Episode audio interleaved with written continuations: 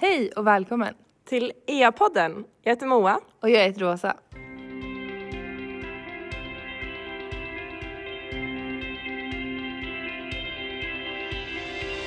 Jag tänker oavsett om man vill bli modedesigner eller om man vill bli ja, någonting annat så ska man, man ska våga starta det. Man ska våga ta steget och bara göra. I dagens avsnitt träffar vi modedesignern och entreprenören Victoria Chan som flyttade till Shanghai för att designa. Hon driver idag två märken, Victoria Chan och Sleek Atelier. Hennes kläder syns ofta i media, många kända profiler har burit dem och vi är såklart så glada att få intervjua denna talang. Hej Victoria! Hej! Hej Victoria, kul att vi får komma till dig här i Stockholm. Varsågod, jag får sätta Ja. Eh, jag tänker, du driver ju två märken. Mm. Eh, Och hur skulle du säga, att- eller skulle du beskriva respektive märke och hur skiljer de sig åt? För jag vet att de har lite olika inriktning. Ehm, jo, jag skulle säga skillnaden är ganska, alltså, det är ganska stor skillnad mellan båda märkena. Så det, Victoria Chan startades då för ungefär fem år sedan nu, vilket känns som en evighet sedan. Eh, och Sleek Atelier för två år sedan. Och skillnaden är väl att det ena är ett märke som har ehm, en ganska stor bredd. Sleek Atelier då satsar ju bara på designade skjortor. Så att eh, vad vi ja, menar med bredd är att det är en ganska bred målgrupp. Allt ifrån 15-åringar till ja, mormor, farmor. För att skjortor passar ju alla. Så att vi designar då skjortor som är väldigt olika, som har olika målgrupper i åtanke. Och eh, Victoria Chan då är mer inriktat med, mot professionella kvinnor. Så att vi har, det är mer viss stil på, eh, på märket. Och det är mer sofistikerat och det är mer modernt. Mycket mer high fashion. Ja, och supervackra. Alla, alla speciellt klänningar, de här långa. Tack. Som vi sitter i rummet här vi sitter är det massa, hur vi säga, många bröllopsklänningar kanske? Ja, och det är väl eh, en ny linje som vi precis har startat med. Ah, och som vi lanserat. Och då tänkte vi att vi, nu testar vi på bröllopsmarknaden. Mm. Eftersom att det har varit väldigt många specialbeställningar under åren. Och alla som kommer vill ha ungefär samma typ av stil. Och det ska vara det här moderna, det ska vara enkla snitt men ändå att det händer någonting. Och inte de här prinsessbakelserna som man kanske hittar i andra bröllopsbutiker. Mm. Ja. Så att eh, därför har vi testat på, eller börjat med den marknaden. Ja, och du blir en del av Victoria Chan. Exakt. Ja, Mm. som en linje Mm, exakt. Eh, vi läste lite i en artikel, både jag och Moa, att du började din karriär när du sydde någon linje i skolan, eller du fick testa på. Mm. Eh, och då undrar jag bara lite, har du alltid, någonting du alltid velat göra där med designa kläder, eller är det något som har vuxit fram? Jag har alltid tyckt om mode väldigt mycket och jag har alltid vetat att jag vill jobba med någonting inom just modeindustrin. Sen har det inte varit exakt att okej nu ska vi starta ett klädmärke. Men då under gymnasiet som du pratade om innan, då så hade jag det här projektet med att Ja. sy upp och designa och sen anordna modevisning till det. Så jag tror att det var lite startskottet till att den här drömmen om ett varumärke eh, ska börja ta sig liv. Och efter det så var jag nog ganska fast besluten på att någon gång i framtiden så ska jag starta ett klädmärke. Och det var det som var drömmen. Sen så hände det väl, ja, efter examen så flyttade jag till Shanghai då och då så vet jag att jag sökte lite jobb, eller efter examen så sökte jag ett Ja. jobb. Eh, vilket är ganska dumt och då sökte jag till H&M. Ja. Jag blev nekad. eh, och då tänkte jag, ah, nej skit i H&M nu. Ja, Nu åker vi till, ja, men de nu, har ju åker- verkligen förlorat något där. Eh, och då tänkte jag, men då åker jag till Kina för att jag var lite så här, jag ville hitta, göra någonting nytt. Så jag Mm. åkte till Kina, till Shanghai och där så sökte jag ett annat internship på Kappahl. ja. Men så kunde jag inte kinesiska då så att, eh, och det var det som krävdes. Har de göra det. någon barriär sån där där. huvud? Jag tänker såhär Nej, men jag tror de har mer så här, eh, sourcing-kontor där. Ah. Det är väldigt många klädmärken, eller kläd, eh, säga, ja, brands som Mm. har sourcing-kontor i Shanghai. Så att jag sökte ju dit och de bara, ah, men det, ja, du kan inte kinesiska så det går inte tyvärr. Vilket jag fullkomligt förstod. Ja. Och efter det så jag bara, nej men då startar jag väl mitt eget märke. Så, får, så får vi se. Så att det var lite läskigt, jätteläskigt eh, var det faktiskt. Att starta någonting från scratch utan att ha kontakter i branschen eller utan att veta egentligen hur den här industrin fungerade. Men tänk lite mer rent tekniskt när du bestämde dig att du skulle Mm. starta eget. Det till då? Hade du eh, redan designat kläder du ville sy upp eller sydde du dem själv eller liksom tekniskt när du... Nej, då när jag började så, hade jag, så letade jag efter fabriker och skräddare då som kunde sy upp plaggen. Så att jag, jag kunde skissa, jag kan förmedla en tanke, sen så får de sy upp det. Mm. Eh, Så det var så det började. Nej men jag tänker bara att det är väldigt inspirerande att du mötte två motgångar och inte lät det, lät det tynga ner dig, att du inte gav upp utan bara startade ditt egna märke istället. Uh, ja, men det är väldigt Mm. coolt tycker jag. Mm. Mm. Verkligen. Processen då just med kanske Victoria Chan då först, hur den har sett ut från det att du bestämde dig tills idag. Finns det några liksom så här olika milstolpar du uppnått längs vägen eller har du bara kört på ett? Jag tror i början när jag startade så visste jag egentligen inte vad, vad jag ville ha och jag visste inte hur, vad det var. Eh, jag hade, man har ju alltid en strategi och man har ett koncept som man, man eh, föreställer sig men det är ingenting som kommer hålla hela tiden utan det kommer alltid ske förändringar, det kommer alltid dyka upp nya motgångar som man måste, ja, som man måste ändra strategin på. Eh, så att jag tänker att det är väl ingen riktigt direkt målstolpe, eller jag har nog inga målstolpar eh, sådär i sig, utan man har väl mål i form av kanske omsättning, eh, att man kanske kan ha större showroom och det är i sig målsättningar, eller så målstolpar. Mm. ska- På ett sätt, du får det låta som det gick väldigt lätt så här, och ändå har det gått så extremt bra. Och det är Gud nej, det, alltså, det har ju verkligen inte varit lätt. Nej. Och jag, de två första åren var ju alltså, jobbiga. Mm. Det var väldigt jobbigt för då jobbade jag ensam, eller de tre första åren faktiskt. Och då jobbade jag ensam med allting. Så för mig så tyckte jag att det var, ja, men det var en ganska stressig period. Mm.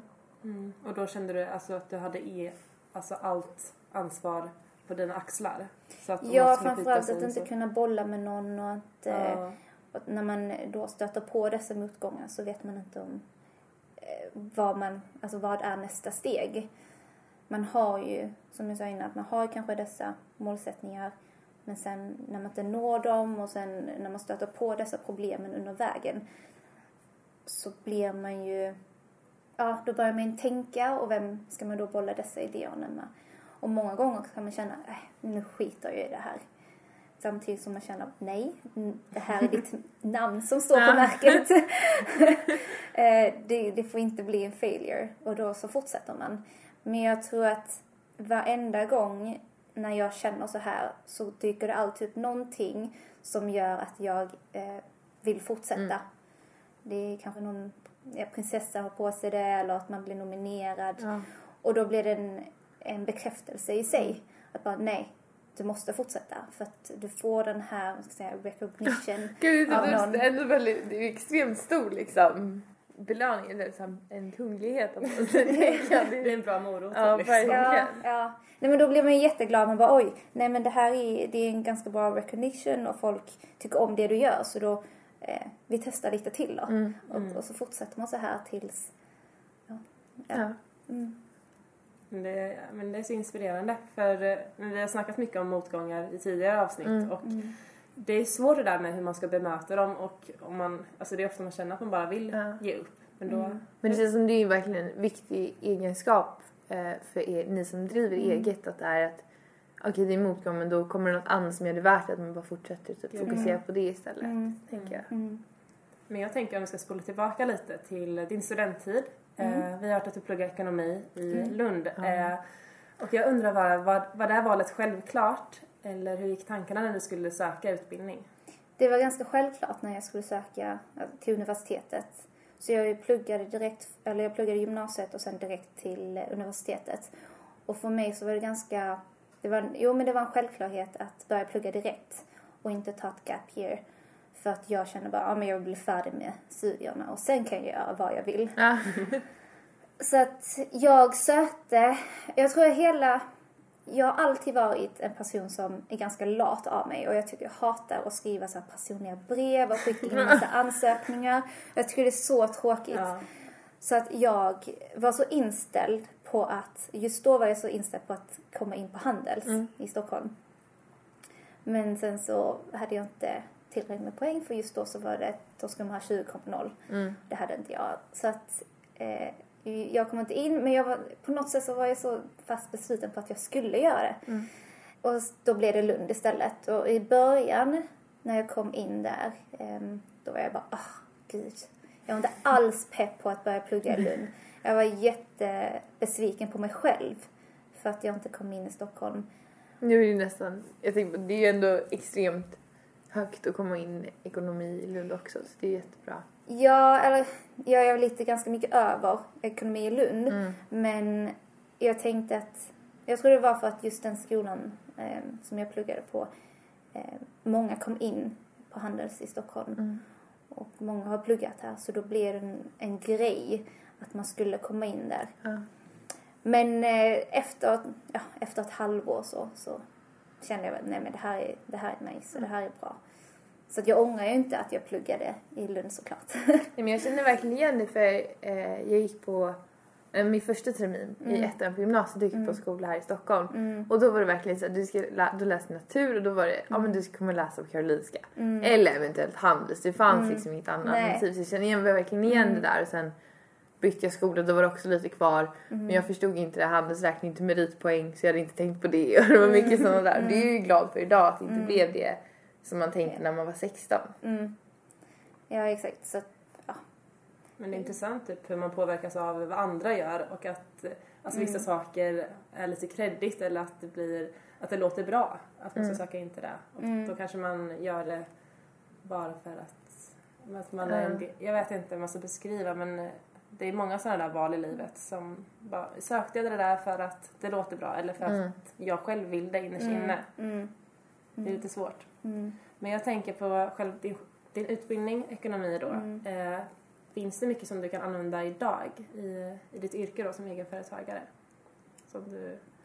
Ingenting som jag... Det är inget som jag känner så här på rak arm att det här har jag användning av.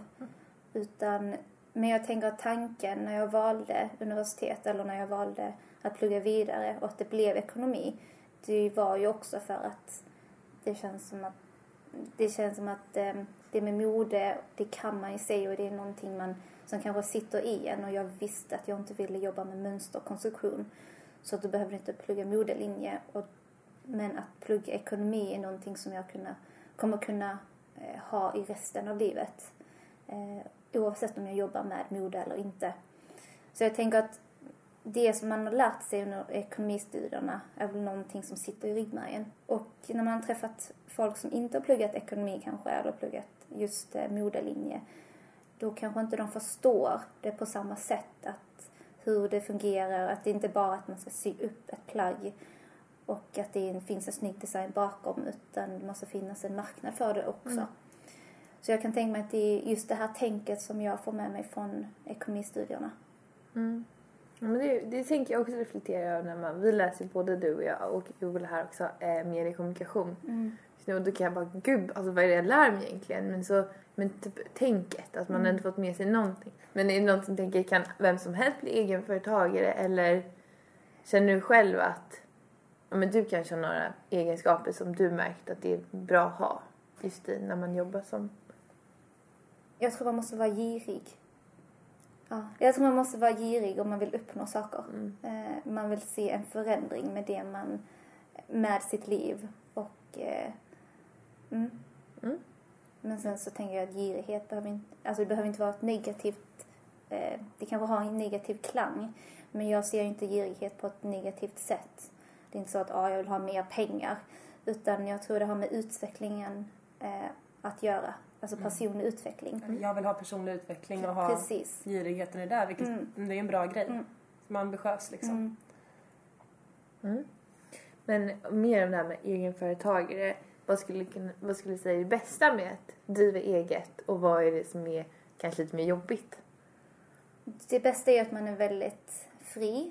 Ehm, Du, har ju, du är din egen chef så att du har all frihet. Det jobbiga är att du har allt ansvar för allting. Eh, så, du, så att man... Det är ens livsstil, alltså det är ens liv. Så att du, det finns inte att du har fem till, eh, eller nio till fem jobbet och kan gå hem och inte tänka på jobb utan det är konstant att du tänker på jobb. Så det är en del av dig. Så man måste kunna acceptera och eh, ja, man måste nästan kunna acceptera att det här är mitt liv och att allting är jobb och att det är roligt. Mm. Eh, och Ja. jag tänker att, ehm, ja, det är väl någonting som eh, både kan vara positivt och negativt. Jag tycker, ja. Säg du Moa. Nej men jag tänker bara på det här med att jobbet alltid är med en. Mm. Eh, är du en som är bra på att typ, unna dig själv lite ledig tid eller är det svårt att koppla av om du vet att du har en deadline som ligger runt hörnet? Jag, har, alltså, jag, tycker, jag tycker att jobba är jätteroligt. Jag har alltid varit en så här, eh, arbetsnarkoman så att det, för min del så tycker inte och jag, jag tror att jag har vant mig. Jag menar när man pluggade så hade man sina deadlines och då var man tvungen att plugga. Det fanns ingen off och on typ. Ehm, samma sak är väl nu med jobb. Så att för mig så känner inte jag av det.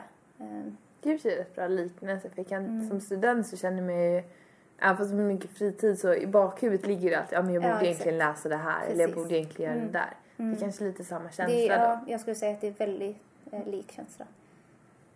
Det var nästan jobbigare under studenttiden när man hade den här ångesten om att man hade tenta, eller att man Ja. har tenta snart och sen så sitter man där och man orkar verkligen inte plugga på det eller läsa. Så att det är väl, ja, ungefär samma. Mm. Men jag känner ofta att det är jobbigare den tiden då man går och tänker på att det är jobbigt. Men sen när man väl öppnar Ja, datorn så- och bara köttar igång. Men jag tänker, vi har varit inne på det lite innan men har du några bästa tips eller det som funkat bäst för dig just i motgångar? Du sa, nämnde det här med att man ska ja, men, kolla på det som går bra men har du några andra tips? Eller strategier? Då får man tänka tillbaka på vad är det, eller varför, är det, varför gör jag det här? Ehm, vad gör mig glad? Vad vill jag annars göra? Jag tänker att de existentiella frågorna får man beställa sig då. Ja. Eh, och sen, det finns säkert jättemycket men finns det någonting som du är extra stolt över under din karriär? Nej, jag brukar få den frågan och jag brukar faktiskt säga nej, det är jag inte. Nej. Inte hittills. Kanske sammanfattat liksom allt. Jag brukar alltid svara att det är den gången när jag eh, sydde upp en kollektion på gymnasiet. Ja. Trots att det var den första gången, eller det var första gången som jag gjorde någonting så stort eh, och eh, höll på med kläder så känns det som att det är någonting som jag är väldigt stolt över. För det var det som ledde till att jag är här idag. Att jag fick upp intresset, eller fick jag passionen för just kläderna. Det var startskottet. Ja, Ja. exakt. Så att jag tror det ja, Vad häftigt. mm, Men hur många plagg var det du sydde upp? ungefär 50. Oj, Du gjorde allt för hand. Ja. gud. ja. Mycket arbete. Ja, för mig blir det så när jag kollade, när jag kollade tillbaka på gymnasiearbete så då var man ju såhär wow vad är det här? Och nu är det typ såhär, det är typ fem sidor som inte ens har källkritik. 50 Ja, det är häftigt verkligen. Ja, så nu efteråt så tycker jag att jo men det där måste vara det jag är mest stolt över. För jag kommer ihåg hur mycket tid det tog och, och sen efteråt så kändes det så tomt. För då har jag hållit på med det i ungefär ett år. I och med projektarbetet där i något år. Och jag, efteråt var det så tomt och jag började gråta, jag var inte alls glad. Ja, det blir väl ofta så när man, mm. man jobbat på en grej väldigt länge och sen helt plötsligt så bara, jaha, vad händer nu? det lämnas ett tomrum. Mm, exakt.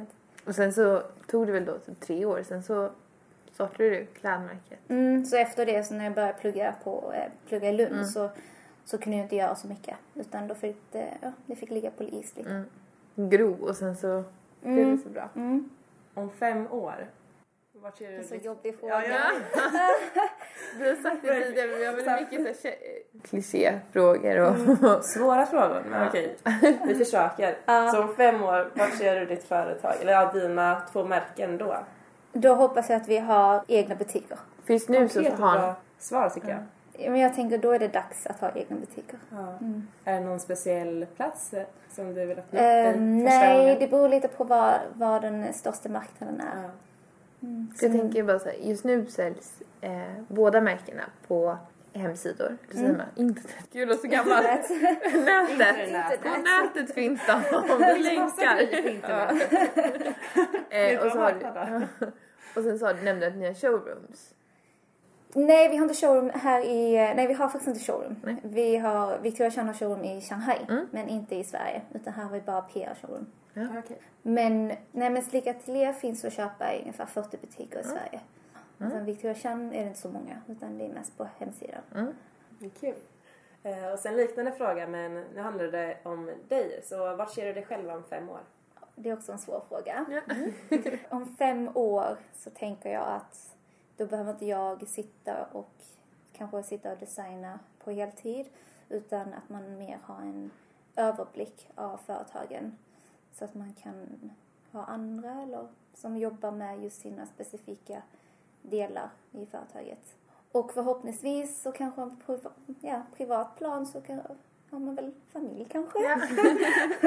Kanske ett hus? Ja, kanske ett hus. Hund? Katt? Eh, ja, nej, det är nu lite, vad blir jag då? Då är jag 33. Det är inte så gammalt. Nej. Men jag tänker att då eh, behöver inte jag jobba med allting. Och sen kanske man har något annat företag också. Mm. För jag tycker det är jätteroligt att ha, jobba med olika saker. Mm. Så att mitt mål är väl kunna ha en portfolio med lite olika saker att jobba med. Häftigt. Ja, Jag tänker just, du nämnde du gör alla delar i eh, företaget nu själv. Nej, inte alla delar. Men jag jobbar ju främst med design och produktion. Mm. Så det är du som har designat alla kläder? Ja, Ja. exakt. Åter till din karriär då. Om, jag tänker, har det funnits något tillfälle där du känt dig extra modig? Där du har tagit ett kliv liksom ut utan att riktigt vara säker på vad som händer?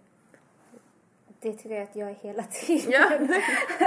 Ständigt Om- modig. Jag, jag eh, tycker ju om att ta risker. Jag gillar ju när det händer saker, när det är utmaningar. Så nu med den här, nu senast så var vi just med bröllopskollektionen där jag bestämde mig för att nej men nu testar vi den här marknaden. Och jag tänker så har det varit hela tiden att ska man expandera så måste man våga testa, annars kan man inte veta. Och jag menar, vi har gjort många misstag och många bra saker. Misstag att man testat på nya events eller pop-ups och så har det inte gått så bra. Som har gjort förlust där. Men jag tror att det viktiga är att man faktiskt vågar testa. Men känns- du nämnde lite innan också med din utbildning att du har liksom fördel att man analyserar marknaden också. Mm. Eh, tänker jag, du nämnde det här med bröllopsklänningen, att du väljer, eller du ser det här behovet då, eller kanske inte behovet, men jo kanske att det där Jo, men, ja, det är ju ett behov av det. Mm. Sen vet jag ju inte om det faktiskt kommer lyckas eller inte. mm. Eh, Så det är också ett test i sig. Eh, Kanske lite kom- men det känns som det har varit mycket bröllop liksom överallt. Man har sett mycket så här, folk som ska gifta sig och sånt. Och som letar just efter såna Mm. klänningar Ja, som du. Ja. Ja, Gud, de är så så om det är någon som lyssnar som ska gifta sig. Ja, Uppsala Ja, studenter. Uppsala studenter. Man vet aldrig. Dags nu. Nu är det dags. Så här 20 år, man bara lugna dig. Ja, Till vårbarnen, en vit klänning. Ja, Jag hade faktiskt en vit klänning på min bal. Fast jag, ja, jag såg ut som en bröllops. Återanvända den. Ja, men jag tänker så här, du designar kläder Mm. och då kände Åsa och jag att vi Mm. måste ju nästan fråga om det här med trender Mm. och eh, framtidsspaning. Vad tror du sommarens trender kommer vara? Vi följer inte jättemycket trender egentligen. Utan när jag designar så utgår man lite från vad man själv vill ha på sig. Ja. Om man ska säga så. Nej, men vad som är snyggt. Och jag brukar aldrig tänka att oh, men det här är en trend just nu.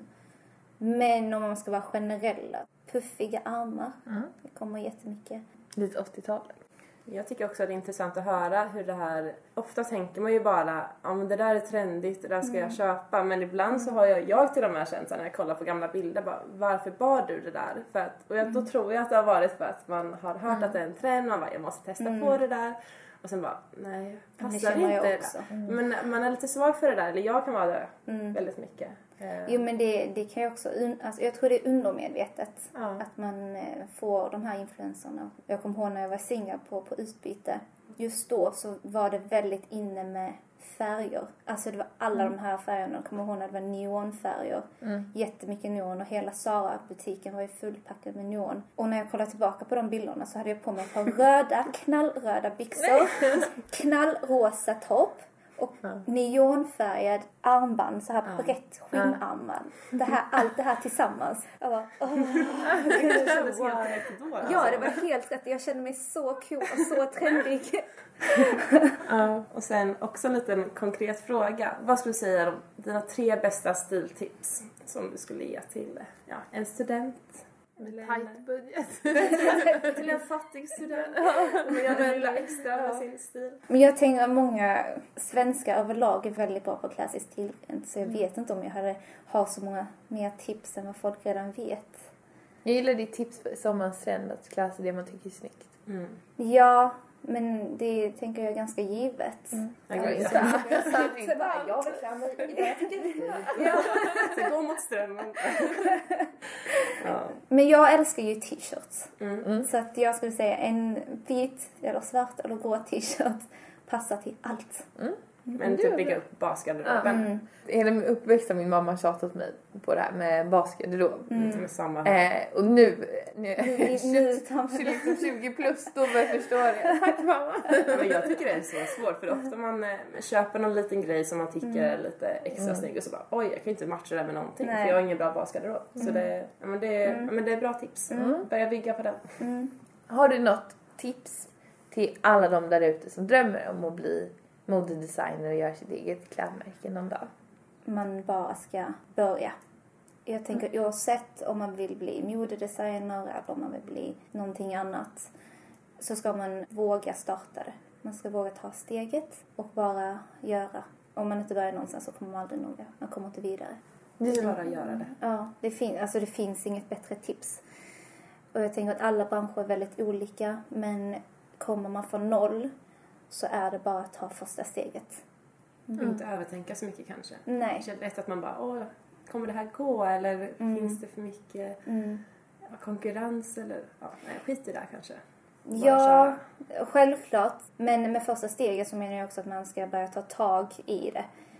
Att man inte bara sitter där med en idé men man inte gör någonting åt det utan faktiskt gå runt och fråga folk, alltså registrera sig, registrera företaget och göra alla de här to-do-sakerna för att starta det. Sen så bara när man gör det ena så kommer det andra och då stegvis så har man, ja, men då har man byggt upp någonting. Mm. Och de har satt stenen i rullning. Verkligen. Jag gillar det du sa innan också när du ja, men hade stunden och tvivlade. Du bara nej mitt namn står ju på det här. Bra. Okej, sätt ditt namn på märket. There's no quitting then. Ja. Mm. Eh, nu tänkte vi köra lite fem snabba. Mm. Ett moment som vi älskar. Ja, då är det snabba svar som Okej. gäller här. Mm. Ingen tänketid. Nej, Nej, nej, nej. hjälp.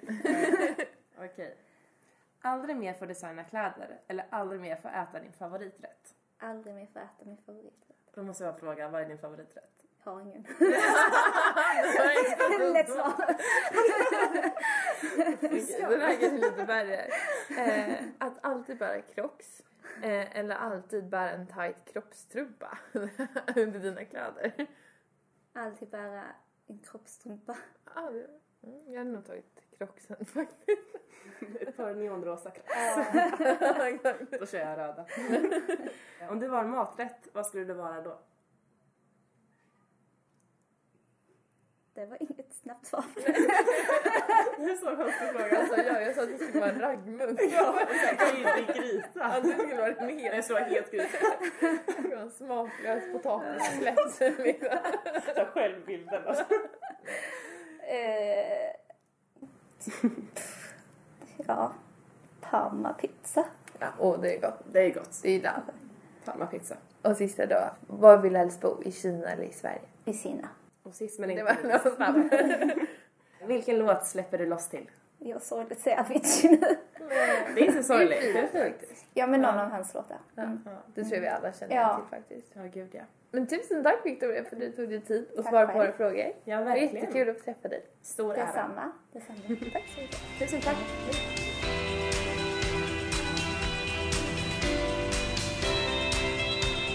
Den här podden görs av Entrepreneurs Academy, Mona Achtwey. Åsa Brängdahl Och klippare är Joel Melander och Linus Alenius.